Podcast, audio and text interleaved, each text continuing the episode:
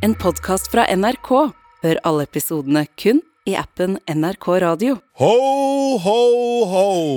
Er det noen snille språkforskere her? Ja. Ja, så bra.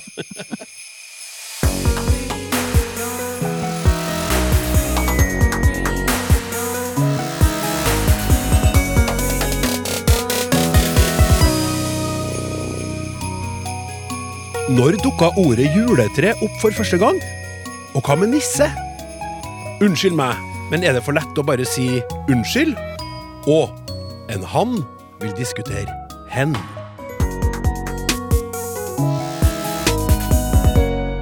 Uansett om du har vært snill eller ikke i 2022, så er du hjertelig velkommen til Språksnakk. Vi går ut ifra at du har prøvd å gjøre ditt beste. Her vil du kunne bli, om ikke snillere, så i alle fall en smule smartere. Og om du har sendt inn et spørsmål til snakk, krøllalfa nrk.no, få oppleve at en juleblid eksperttroika gir deg svar på akkurat det du lurer på. Hvilken gave! Med i studio i dag er forfatter og språkviter Helene Uri, språkforsker Toril Oppsal og språkforsker Olaf Husby. Hjertelig velkommen, alle tre. Tusen takk. Helene, nå er like før. Hva kan du ikke være foruten på julaften? Ribbe, selvfølgelig. Ribbe. Ja, og sossisser stavet med å. Så fint. Toril, eh, hvilket eh, juletre går du helst rundt? Eh, gran, furu, edelgran eller plast? Gran, uten tvil. Ja, så fint. Eh, og Olaf, jeg vet ikke om jeg er fordomsfull eller forutinntatt nå når jeg tipper at du nyter juletorsk på julaften. Nei. Ribbe. Ribbe, ja. Ja. Ja. Men jeg vokste opp med lutefisk. ja. Og så sossiser med å eller ro, da. Det er nok med å hos meg òg. Ja. Da vet vi det. Fint å tenke på. Nå går vi i gang med spørsmålene.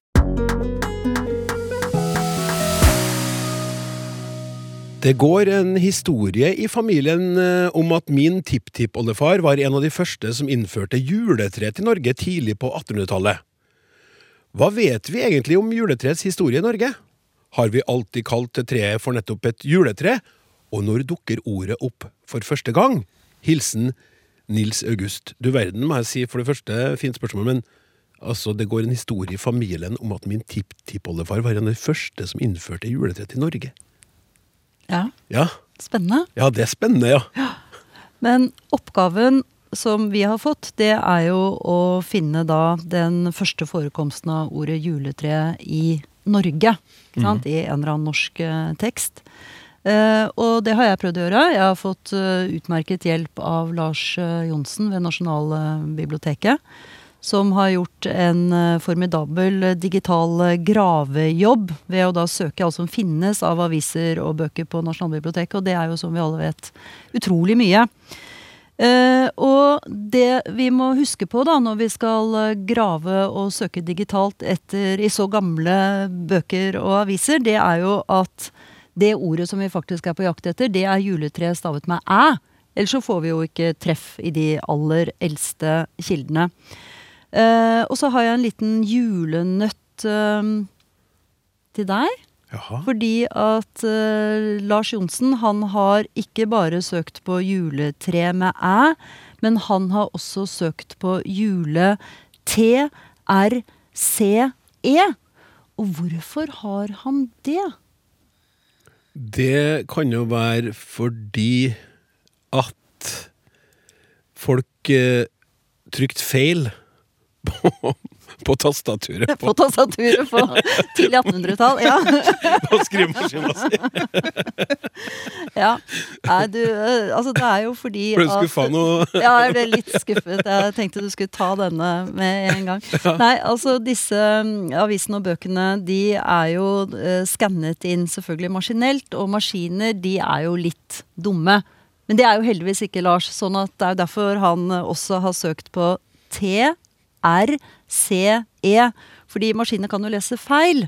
Og da leser de en æ da som CE. Ja, så, de, så, så maskinene transkriberer de, Altså, de, de leser av sidene og gjør det om til digital tekst? Ja, nettopp. Ja. Eh, Det Nasjonalbiblioteket også byr på, eh, og som vi har snakket om flere ganger her i Språksnakk eh, tidligere, det er jo at de har sånne veldig lekre og nyttige grafer over frekvens over tid av f.eks. enkeltord. da.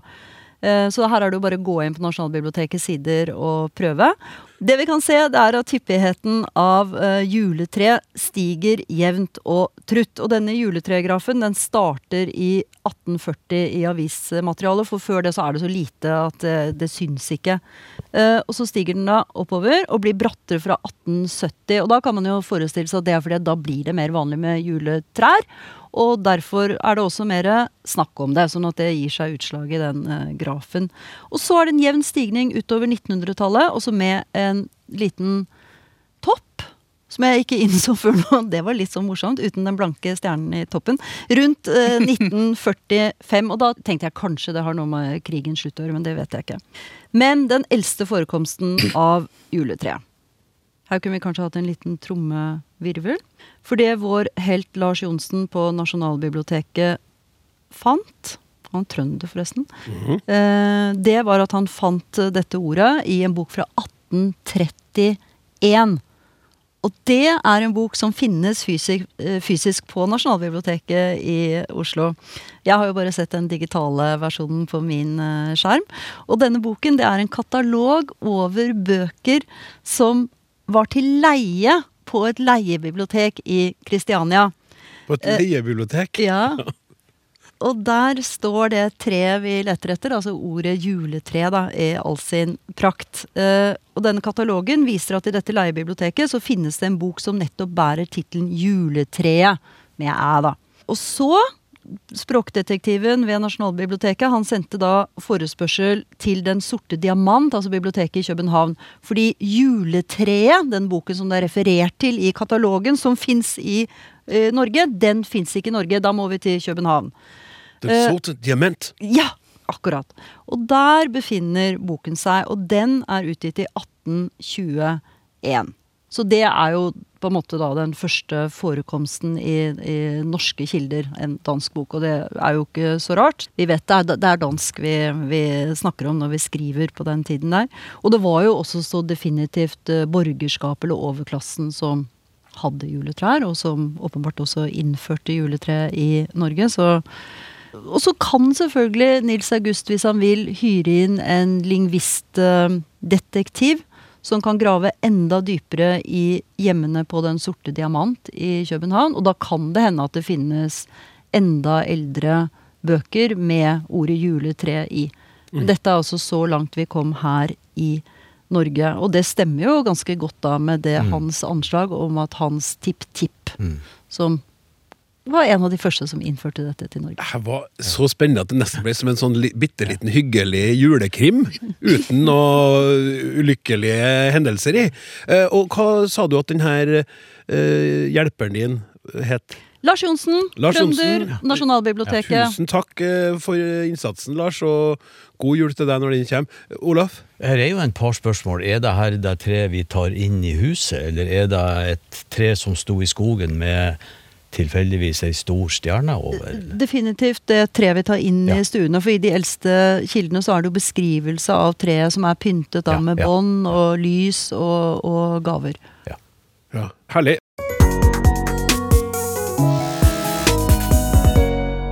Det her er ikke direkte et, et julespørsmål, Toril, men når det er jul, så syns jeg det er ekstra stas å tenne opp i peisen. Og her kommer det et uh, spørsmål knytta til det. Prøver uten smisk! jeg lurer på hvorfor så mange plutselig kaller vanlige vedovner for peis i våre dager. Med vennlig hilsen Tore Johan Våle. Altså, du tenner opp i peisen, Klaus. Vanlig vedovn. Ja, vanlig jobb. Ja. Nettopp. Nei, nei, du snakka nettopp om et eh, jule, en julekrim. Eh, det hørtes forlokkende ut. eh, fordi her tror jeg vi kan snakke om et lukket rom-mysterium, faktisk. Når Ja. det gjelder dette spørsmålet. Eh, fordi etymologien til peis som sådan, da skal vi antagelig til pisel, som er et kammer som kan varmes. Eh, og så er det sånn at vi vi skal definere peis nå. Så er det et ildsted med avtrekk eller et røykfang som gjerne ledes til en skorstein. Eh, og så har den Det norske akademis ordbok gjort noe interessant i sin eh, definisjon. De har satt en parentes rundt ordet 'åpent'.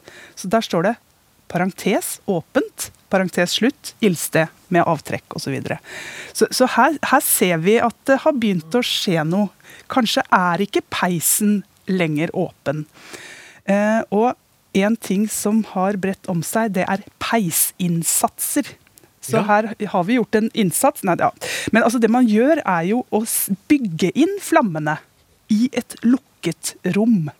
Så der har vi plutselig lenger ikke dette åpne ildstedet med, med avtrekk. Eh, Og om det da, i det øyeblikket du setter inn en peisinnsats, slutter å være en peis, det kan jo de lærde strides om. Eh, Og de som bestemmer her, det tør jeg påstå er språkbrukerne.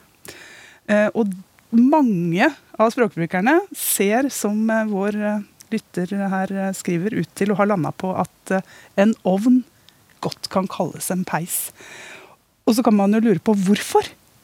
Og der tror jeg du satt med svaret, Klaus.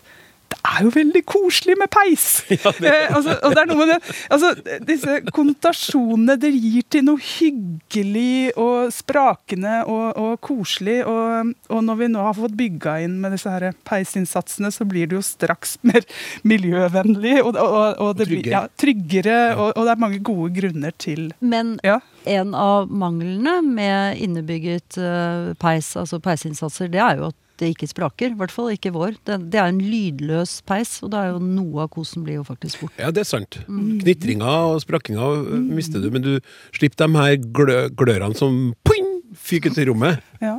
Ja. Og så har du den her vanlig vedovn, som du sa. Og hva er nå det? Altså, hva er en ovn? Jo, jo, det er jo gjerne et lukka rom, altså som du varmer opp. Og da begynner vi å nærme oss, da er vi liksom tilbake til den her peisdefinisjonen. Eh, så her kan vi gå i ring. Vi kan kanskje ikke gå i ring rundt en peis, men det kan vi gjøre rundt en eh, vedovn, kan vi ikke det? Av og til. Det kan vi. Og Ja. spesielt de som er sånn fancy, vet du, som er kjempedyr og henger fra taket midt i rommet hvis du har et veldig stort hus. Mm. Jeg lurer på, Olaf, du fant jo en haug med synonymer til ildsted når du begynte å grave, så jeg. Men jeg tror ikke du fant noe bedre enn din favoritt-ovn, som jeg ville si. nei, nei. Nei. Nei, jeg fant jo et ordet komfyr, og da dukka jo eh, fonetikerne med opp, da. Ja. For det er jo I norsk så har vi faktisk to måter å si M på. Den ene er som i som, og den andre er som i komfyr. Og vanligvis så legger vi ikke leppene i hop, vi setter tennene på leppa. Kom, sånn at vi er klare til å si F. Ja. Så vi har to M-er i norsk, og den ene er i komfyr. Ja. Se på når han koser seg. nå. Det stråler varme fra deg som en vedovn. Der kom, kom Olaf på banen. Ja. Men jeg sliter faktisk med å skille mellom komfyr og stekeovn. Der, der har jeg aldri helt forstått hva som er hva. Eh, Så når jeg skal, og særlig nå når flere og flere skiller mellom en enhet, den du steker eh, ja vi får vel si ribbe i, og den der hvor du koker eh, saus. De to delene Ja, ja. satt sammen, det er vel en komfyr. Altså, nå, er, Ja. nå er jeg programleder her. Jeg tenker det. Ja. Det er sånn oppi hodet mitt. Nettopp. Så Men- da har du en koketopp og en stekeovn. Ja, nettopp. Men til sammen blir det en kom Komfyr. Ja. Eller komfyr. Ja.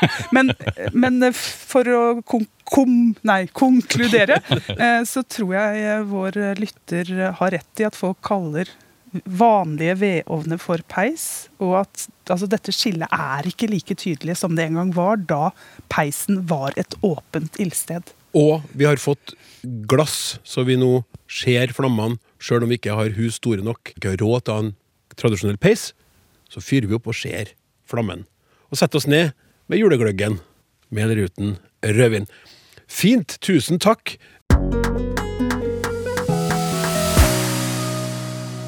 Skal vi, skal vi rett og slett ta et eh, litt julete spørsmål eh, til med det samme? Hva tror du, Olaf? Du var jo innom her som snabbast nå nylig. For nå er det rett og slett rødnissen som spør. Litt rart at rødnissen spør, egentlig, men eh, Burde jo kanskje vite. jeg skal komme tilbake til nisse litt senere. også. Spørs om hvilken rødnisse det er snakk om. Ble ordet jul til samtidig med Jesu fødsel? Der er vel svaret nei, vil jeg anta.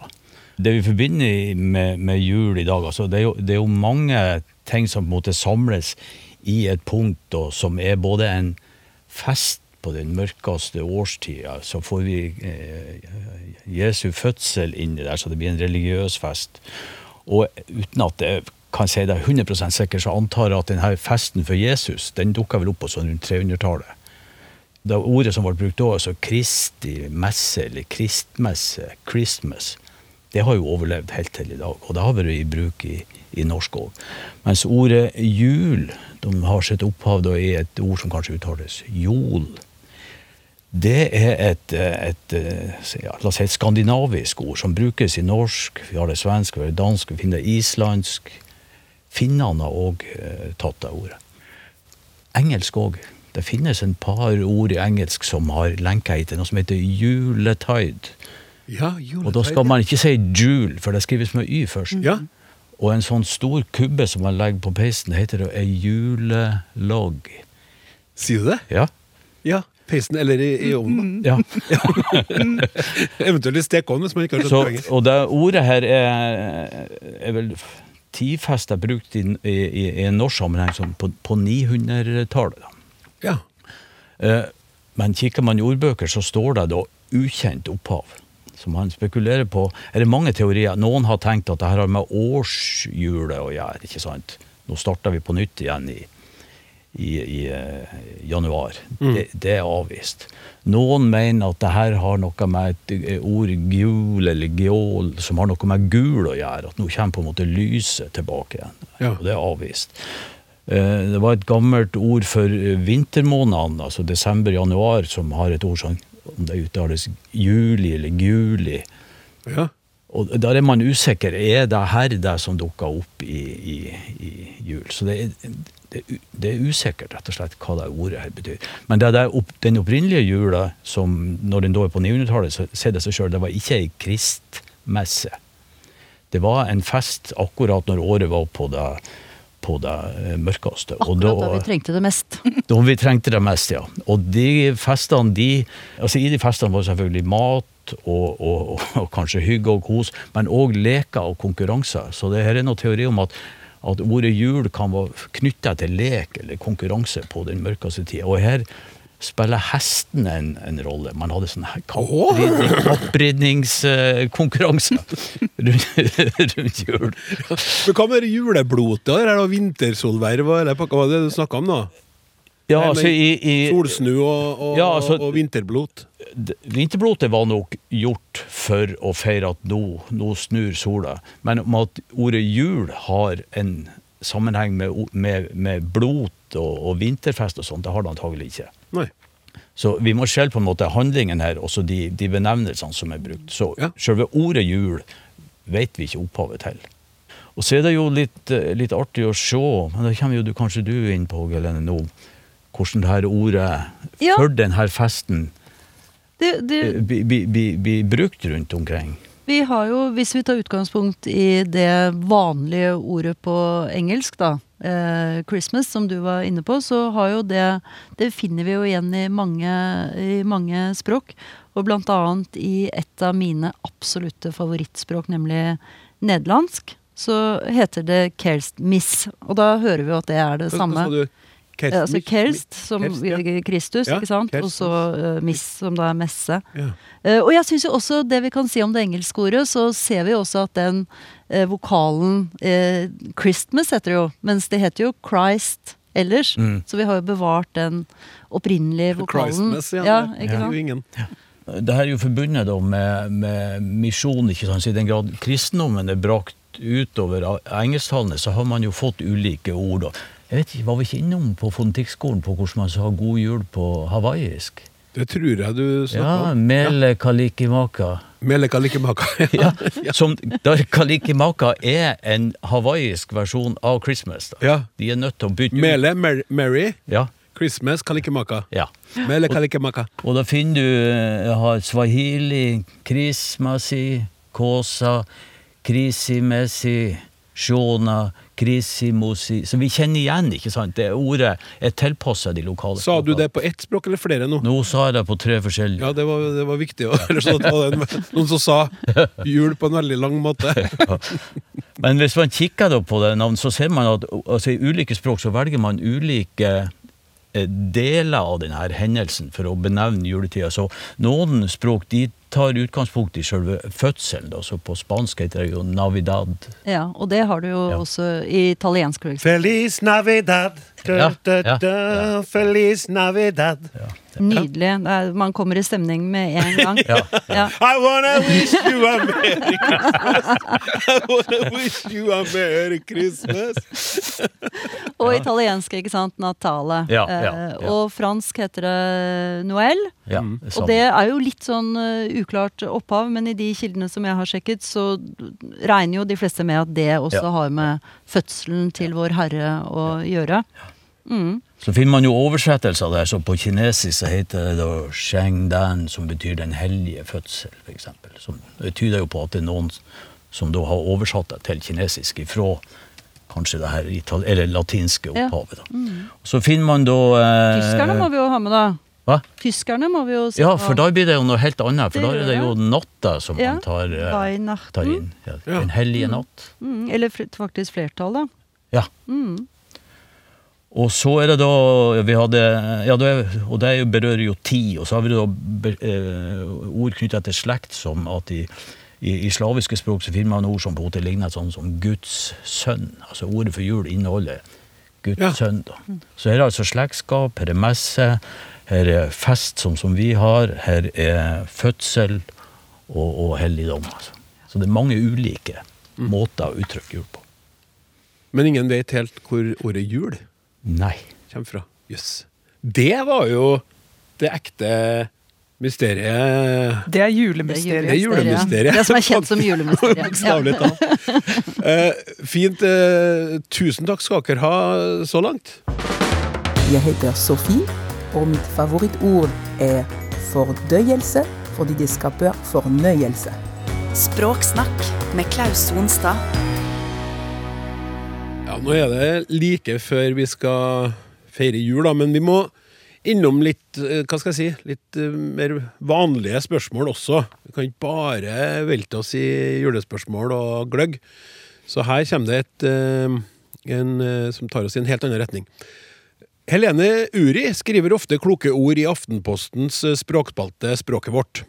Lørdag 19. november skrev hun om nyordet 'hen', og fremsto som en tilhenger av dette omstridte ordet. Blant reaksjonene hun nevner i overskriften, havner jeg i kategorien som mener 'men hva skal vi med det'? Ikke-binære mennesker har selvsagt rett til å ønske seg omtalt med et kjønnsnøytralt pronomen, og ikke alltid bli satt i båsene hun eller han. Helene Uri heier på hen. Ordet er kommet inn i Naob, og hennes kolleger der siterer henne med dette eksempelet fra Aftenposten 2018 kolon. Grammatikk er nødvendig når barna skal forstå hva læreren mener når hen ber elevene om å variere ordvalg og setningsbygning i egen skriving. I argumentasjonen for nyordet bruker Uri mange eksempler fra yrkeslivet, men det undrer meg at, hun overser et alternativ for utsagn av denne typen når aktører ikke er definert ved kjønn. En vel så god løsning er ordet den, som allerede finnes og er like kjønnsnøytralt som hen, og fullt hjemmehørende i vårt språksystem. Den jenta, den gutten, den danseren, den legen og den bilføreren. Og gjerningspersonen, den stjal en bil og kjørte vestover. Vi trenger litt tid for å venne oss til å si jeg oppsøkte fastlegen, og den konstaterte at jeg var smittet av pandemien. Hen finnes allerede i språket. Et adverb som betyr bort til, i retning av, og er anvendelig til mye annet. Det, første, det er første ledd i mengder av sammensatte ord, som hengi, henrette, hensyn, hensikt og mange flere. Hen er også et sted i Norge. En bygd i Rauma kommune i Møre og Romsdal. Hvorfor innføre enda et homonym? Flinke som vi er i engelsk, vet vi at eh, i det språket betyr ordet høne. Ikke alltid med positive konnotasjoner, som i henpeck og henparty. Noen ordbøker har også definisjonen A woman regarded as gossipy or foolish. Hvorfor utsette noen for å bli baktalt med dette ordet? Ja, altså, det her er jo, det, det er jo gode argumenter for et syn, da. Enten i engelsk eller norsk versjon. En alvorlig innvending er at hen bare har én bøyningsform, hens i genitiv. Forsøker du å si henne, forsvinner kjønnsnøytraliteten. Bare hun og han har de nyttige objektsformene henne og ham. Samme innvending kan rettes mot alternativet den. Språket blir fattigere når det ikke er mulig å skille mellom subjekt og objekt. Kan denne brukes som objektsform? Lars Rode Asker. Ja, Innholdsrikt. innholdsrikt. Ja. Og dere, både jeg og Lars lurer på hvem, hvem dere egentlig eller lov, eller hva dere lo av i Det skal du, du gå gjennom nå, da. Jeg får prøve å ta det i tur og orden her. Ja. Eh, Jeg kan jo begynne med Altså, vi må jo takke for brevet. Mm, Det var et fint brev. Og jeg er jo helt enig med Lars, for å begynne i en ende her, at vi venner oss til det meste. Altså i prinsippet alt i språket. Eh, bare vi er vokst opp med det, eller hører, eller eventuelt ser det ofte nok, så synes vi jo at det er, eller blir, i sin skjønneste orden. Eh, for det er jo ikke sånn at språket har dalt ned fra himmelen og er eh, gudgitt og uforanderlig. Det kan forandres, og det forandres hele tiden også. Så la oss bare være enige om det. Eh, Jeg tror jeg helt umiddelbart synes at eh, den i utvidet bruk da, er litt uheldig, fordi det for meg, og mange er litt spent på resten av julepanelet her, eh, har en sånn ikke-menneskelig faktor knyttet til seg. Altså det er jo vanligvis dyr og ting som omtales som den. Og- hundeeiere kan jo til og med bli fornærmet hvis noen refererer til deres favoritt-Fido som den. Ikke sant? Eh, ja, men dette er en han, sier de. Eller ja, dette er en liten retrieverjente, og hun heter Goldie. Ikke sant? Så, så den er, blir så veldig upersonlig. Men igjen, vi kan venne oss til alt for all del. Eh, og så er det dette homonymi-argumentet til eh, Lars uh, Rode. Det at ord uttales, da er det homofoni, eller skrives homografi, da, eh, på samme måte, men betyr forskjellige ting. Og det representerer jo ikke noe sånn stor kommunikativ utfordring. Det fins jo haugevis. Vi har jo allerede snakket om eh, jul, ikke sant. Og det, det er jo ikke sånn at vi lurer på når vi sier at vi feirer jul, om vi da feirer det som vi har på bilen, eller om vi feirer denne høytiden. Så kontekst og situasjon vil jo vanligvis gjøre det veldig, veldig klart eh, hva vi mener. Sykkelhjul i, Det- i Spania. Ikke sant? Og det kan Det var- Den var morsom. og det er jo ikke noe problem for meg når det pronomenet som jeg foretrekker når noen skal referere til meg, nemlig hun, da faktisk lyder eh, som en vovvov. Mm. Ikke sant? Jeg har aldri tenkt på det som et, eh, et stort problem. Eh, og så sier han også at dette er stedsnavn i Norge. Det uttales faktisk hen, for det er, vin, eh, det er gamle vinnavn. Så, det, så den, det er jo ikke noe homofoni engang. Men det er nå det. Uh, og så er det dette med høne og hen på engelsk. Det er jo veldig morsomt. Det, Da fniste vi jo alle sammen her. Klukket av, eh, av latter. Altså valg av ord for å unngå homofoner på tvers av språkgrenser, det, da begynner det å bli ganske avansert. Jeg, jeg tror ikke jeg ville ha prioritert det så, så veldig høyt. Det Og- går vel alle veier. ja, ja, ja. Og det fins jo hauger av, eh, av eh, homofoner i norsk, og mellom norsk og engelsk også. Det pronomenet som Lars Rode da foreslår, som han foretrekker fremfor hen, den, på engelsk betyr jo det hule. Og jeg tror f.eks. at den godeste Freud ville vært uenig i at det er særlig kjønnsnøytralt, hvis vi først skal gå ned den veien, da. Så jeg syns ikke dette er noe vektig eh, innvending. Og så er det dette med at det bare har én bøyningsform, fordi altså Språkrådet har jo også velsignet eh, hen. Det skjedde jo nå i, i eh, 2022. Uh, Naob er jo en eh, dokumenterende ordbok, så det har jo stått i Naob i mange mange år. Men nå har jo også Språkrådet satt sitt godkjentstempel på, på pronomene. Eh, og da bøyes det altså hen i subjektsform, hen i objektsform og hens i, i genitiv. Da. Og Lars Rode sier at det er en mangel. Ja, det kan man jo si, men det er jo veldig mange pronomen som har sammenfallende former i subjektsform og objektsform, uten at det plager oss. Dere, dere, dem, dem, eller de, de, eller Den, den. den, den, som han selv er inne på også. Ho, ho, for eksempel. Han og ham, sier han. Ja, men han i objektsform har jo vært en del av bokmål i, siden 1938, og er jo den eneste formen i, i nynorsk også. Ja. Så er det jo noe med, for min, min del, det, det er kunstsynseri igjen, da. Men han, hun og hen, han, hun og hen, det, det er fint at det, det er sammen sånn.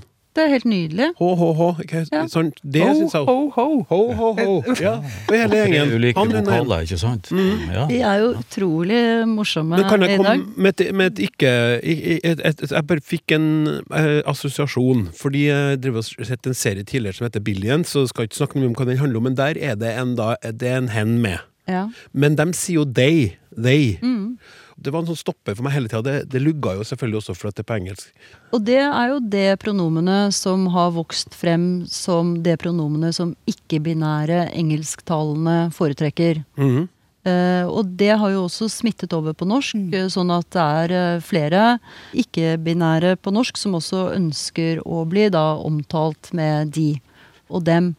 Jeg skulle jo ønske at vi alle falt ned på hen, men det er jo bare å si det samme som uh, Toril sa da vi snakket om var det peis i sted, at dette, dette er jo faktisk opp til språkbrukerne. Vi kan synse så mye vi vil, men eh, hva vi faller ned på, eh, vet vi jo ikke ennå. Det er jo mange som bruker hen i, med mer generell eh, referanse. Altså en lærer med å passe på at hen alltid har nyspissete blyanter. Ikke sant? Den, den ser jeg daglig, faktisk. Og så, så må man jo bare finne frem til hvilket uh, pronomen man faller ned på for de som ikke føler seg hjemme verken i hun- eller han-båsen. Ja, eh, jeg skal først si at det var ikke meningen å være julenisse. Jeg var helt enig i den, det fine eh, mønsteret med, med han, hun og hen. Men én ting jeg eh, tenker på her, det er at hen har jo to betydninger. Altså Det er jo de tilfellene der det er et poeng å vise at kjønn ikke spiller noen rolle i en sånn ikke-binær kontekst. Og så er det jo i de tilfellene der vi faktisk ikke veit hva kjønnet er. Eh, og, og hen kan vi bruke til begge deler. Ja. Eh, og jeg lurer på om en del har begynt å fortsette med de som pronomen for å spesifisere at dette handler om en ikke-binær eh, sammenheng. Der vi ikke veit kjønnet, om eh, læreren som dukker opp eh, med blyanter er han eller hun eller hen, der har vi jo så muligheten til å bruke vedkommende. Absolutt. Men det er jo et fryktelig langt og kronglete ord. Ja. Eh, Så jeg, jeg vil slå et slag for hen Ja. der. Jeg er jo litt enig med deg, Klaus, at det they på engelsk, når det blir oversatt til norsk, så jeg blir også litt forstyrret, for det er så fort gjort å tenke på flertall, ikke sant? Hen har jo en form som peker mot han og hun, som er entallsord. Så egentlig så er det en person i entall som da er omtalt med flertall. Men det har vi jo i norsk òg. Ja, ja. Altså et, høflig de. Det har vi. Sånn at eh, hvis vi bare tenker litt, så, så går nok den òg på Vi plass. Kan har- vel også antyde at det høflige de er på vei litt ut av språket. Sånn sett så For det brukes vel ikke av så mange i dag. Nei. Det gjør ikke det. Eh, du har skrevet ei bok nylig der du skriver om hen, blant annet. ikke det? Den heter jo til og med Han, hun og hen. Eh, Det, det er fortsatt eh, noen dager igjen til jul, så det er bare å springe ut. Enten du er den, dem, hen, han eller hun.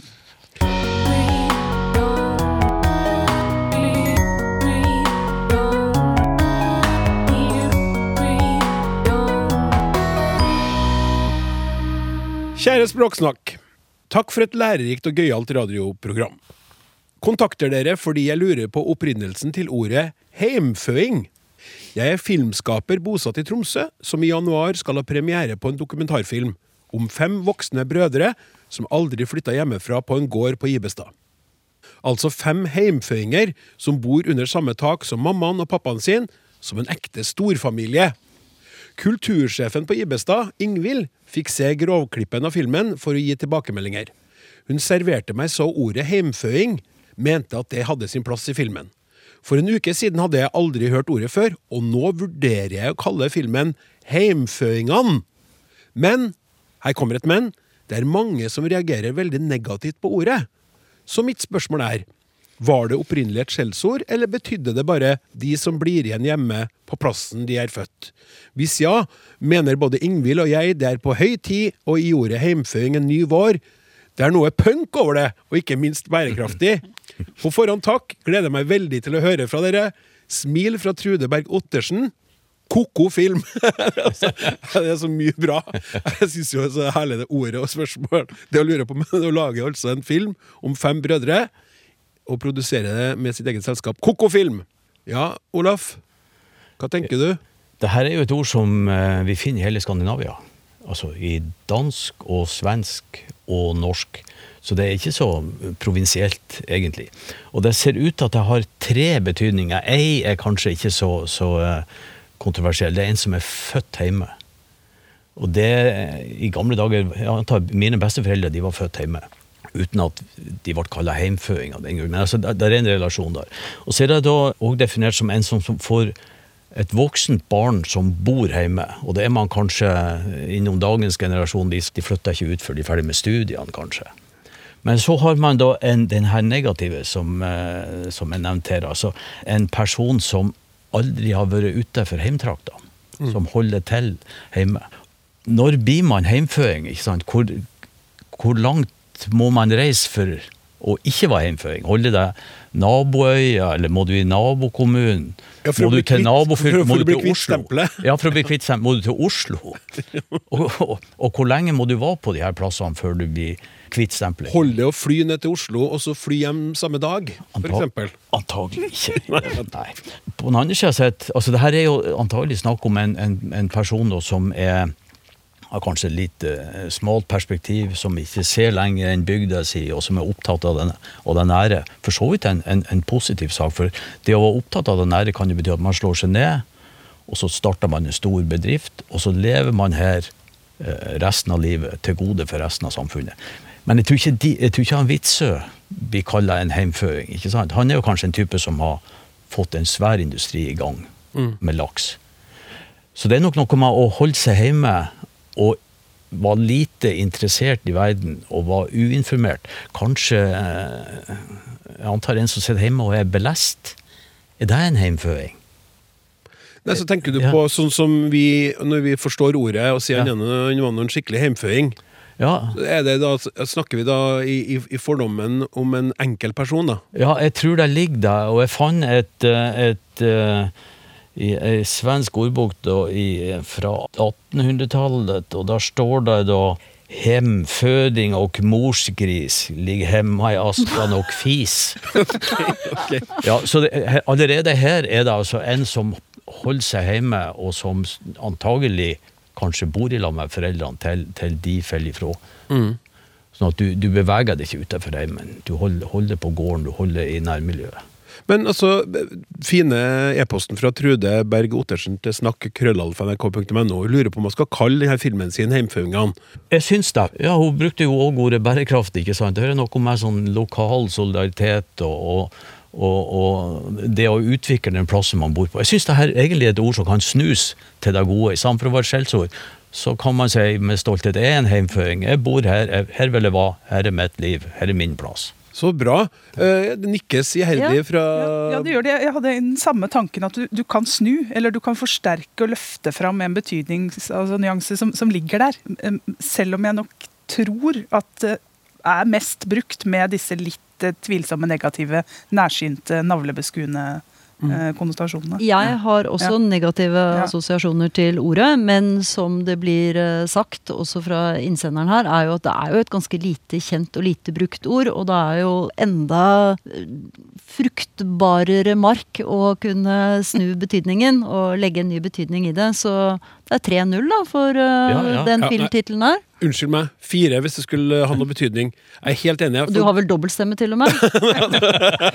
Jeg får litt gåsehud, da. For at jeg tenker hvis, hvis det er en sånn fin dokumentarfilm om de her fem brødrene, så, så får du en sånn helt annen klang. Og spesielt i dagens verden, der sant, vi, skal, vi skal jo reise mindre og bry oss mer om det nære og alt sånn. Ja, altså det her Ordet heimføring med negative konnotasjoner det avspeiler på en måte fordommer hos vi som ser heimføringen. Jeg bare tenker på den her eh, TV-serien som går om folk som bor på de ytterste Der ingen Kjære. skulle tro at noen kunne bo. Ja, og hva slags folk er det? Altså, de tilfredsstiller ikke vår idé om hva heimføring er. Ikke sant? Spennende folk som gjør masse ting på den lille plassen der de bor. Så du har vært her i alle dine dager og har aldri reist noen annen plass? Nei, aldri vært noen plass.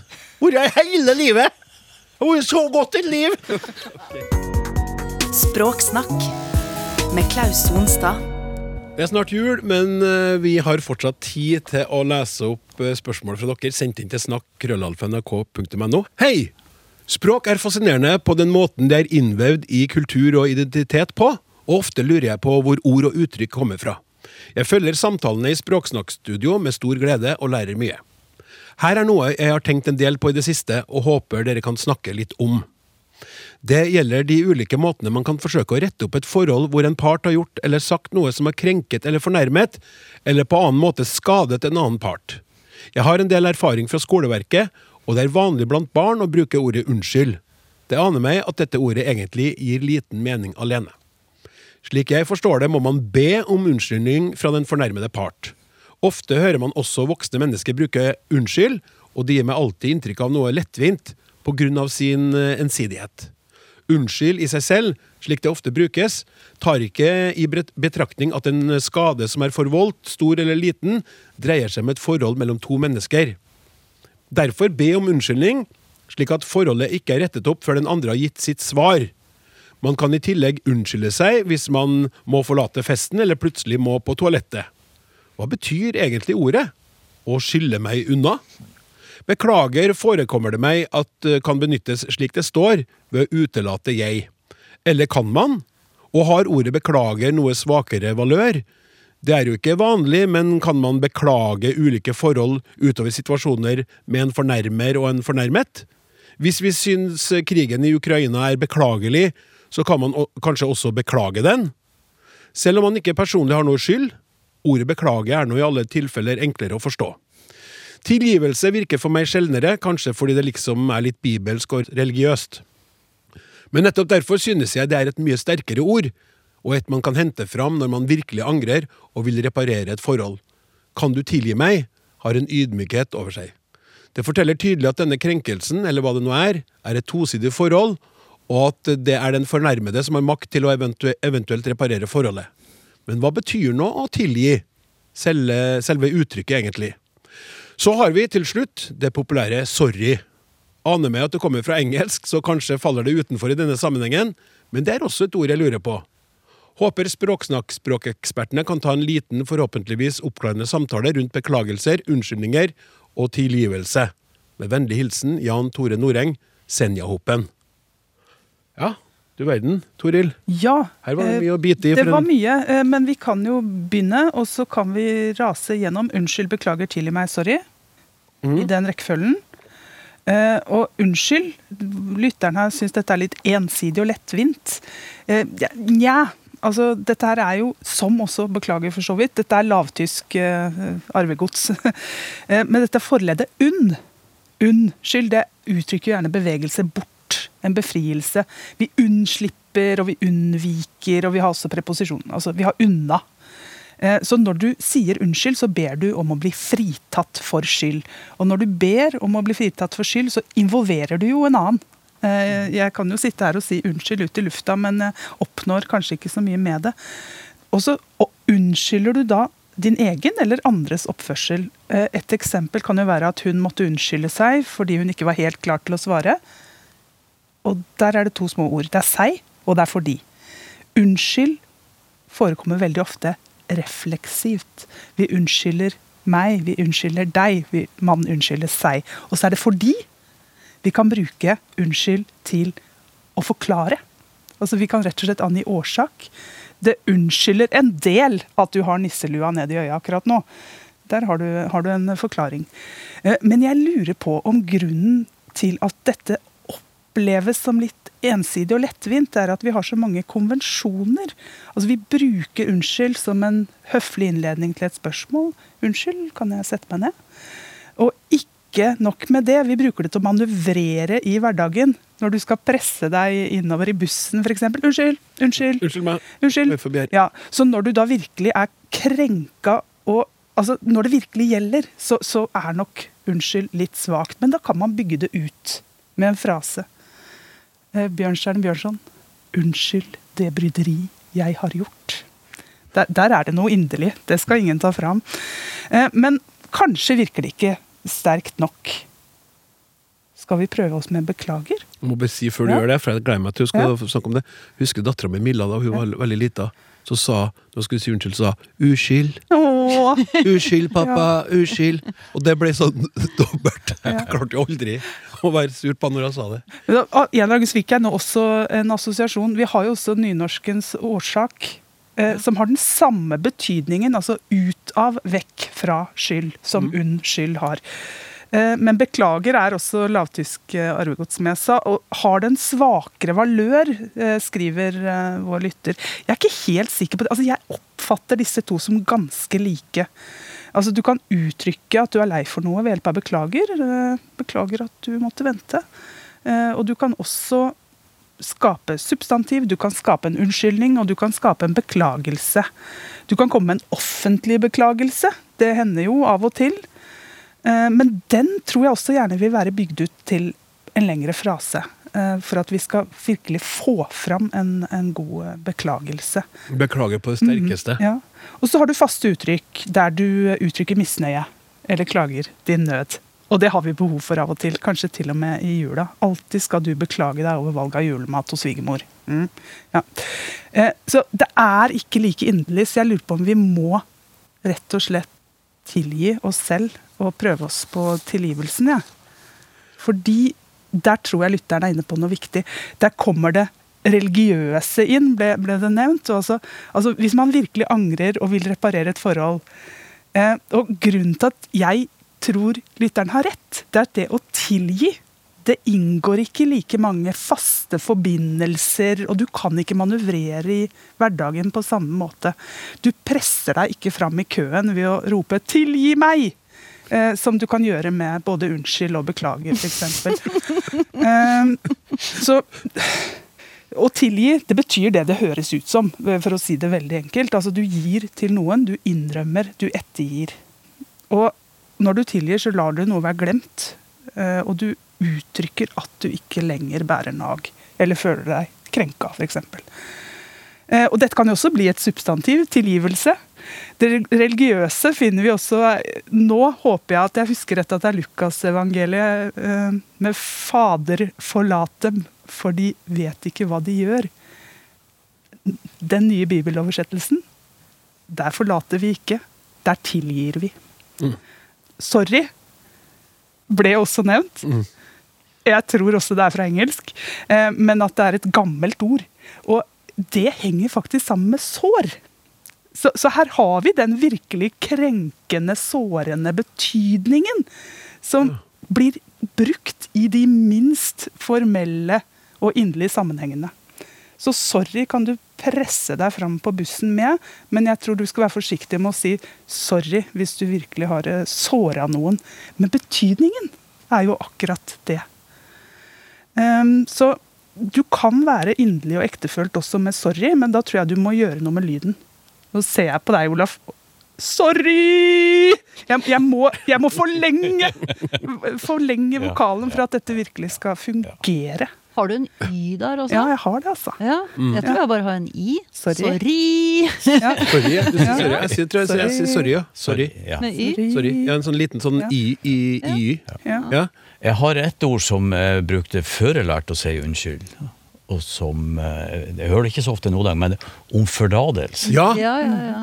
Om forlatelse, da, da, da, om forlatelse fra Bør Ja, og det Da tror høres det ut som du er ca. 93 år gammel. Unnskyld at jeg sorry, beklager, men da høres du Nei, veldig du gammel ut. Det du skal be om tilgivelse fra Olaf, Helene. For det var- synes jeg var Hva sa du? Du skal be om tilgivelse fra Olaf hvis du kalte den 93.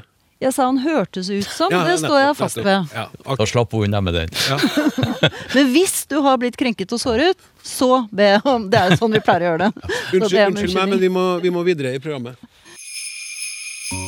Mitt navn er Marie, og mitt favorittord er jul. For jeg syns det er en veldig hyggelig tid hvor man drar hjem til jul til familien og spiser god mat og har mange tradisjoner og veldig hyggelig tid. Skal over til et litt julete lytterspørsmål til snakkekrøllalfa.nrk.no. Hei! Jeg er ny lytter av Språksnakk og ble så utrolig glad av å oppdage dette programmet, da jeg selv er en skikkelig geek etter å snuse rundt i både ordbøker, på Naob og viksjoneri etter ordenes mangfoldige betydning og bakgrunn. litt for glad i å fantasere rundt muligheten for at ord som ligner hverandre, kan ha skjulte opprinnelige sammenhenger i det enkle og nære. Og i seg selv da også bære sammensatte historier, og ikke nødvendigvis bare en enkelt eh, konkret betydning. Dere etterspurte ord og uttrykk relatert til jul. Det gjorde vi. Og da tenkte jeg med en gang på ordet nisse. Har igjen blitt spurt om å være nisse på selve kvelden.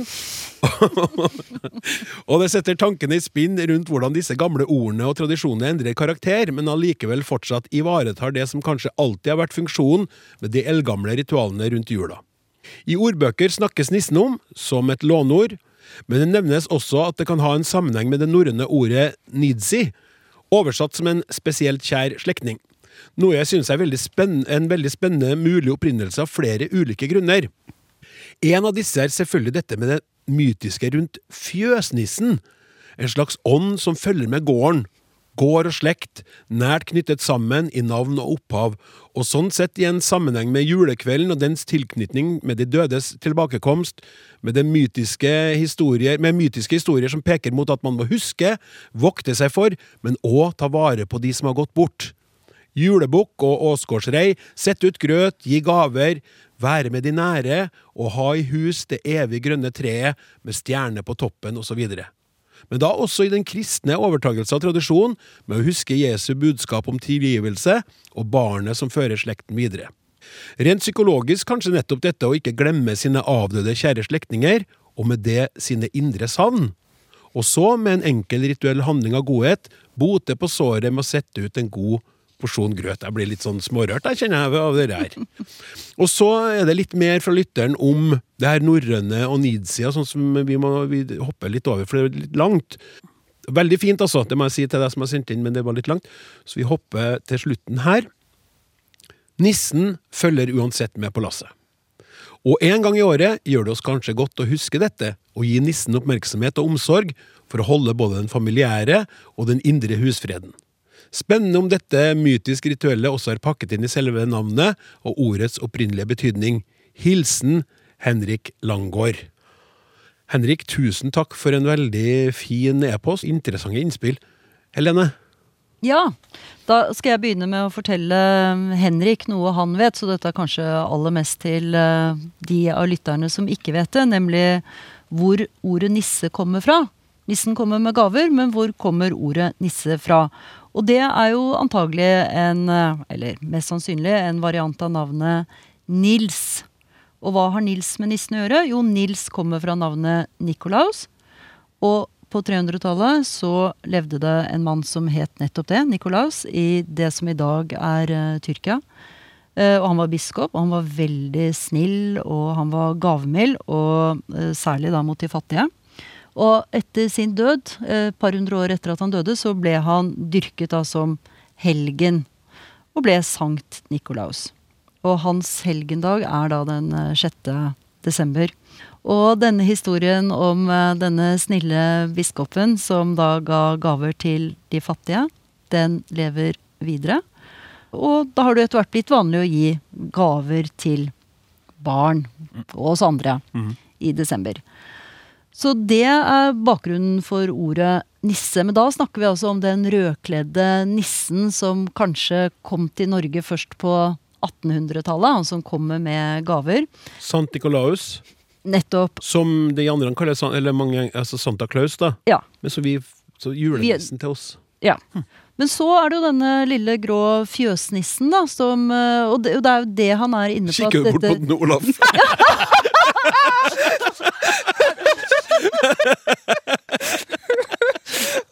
Ja, nå, nå, nå må jeg fineste, virkelig Fineste fjøsnissen i hele Studio 13, i hvert fall. Om, om, om forlatelse. ja, fordi jeg visste at du, at du, vet noe om dette, da. Fordi det eh, Henrik Langgaard Han har jo gravd ganske grundig i ordbøkene og kommet frem til at den der gamle fjøsnissen den har vært med oss lenge. Og da får man jo mis en mistanke om at uh, denne etymologiske forklaringen på nisse, som da kommer fra uh, Sankt Nikolaus, at det, det, kanskje ikke stemmer helt. Kanskje det er en annen bakgrunn også. Og da, Olaf, så jeg på deg! Ikke fordi ja. du sitter her som en gråkledd nisse. Bare så det er sagt.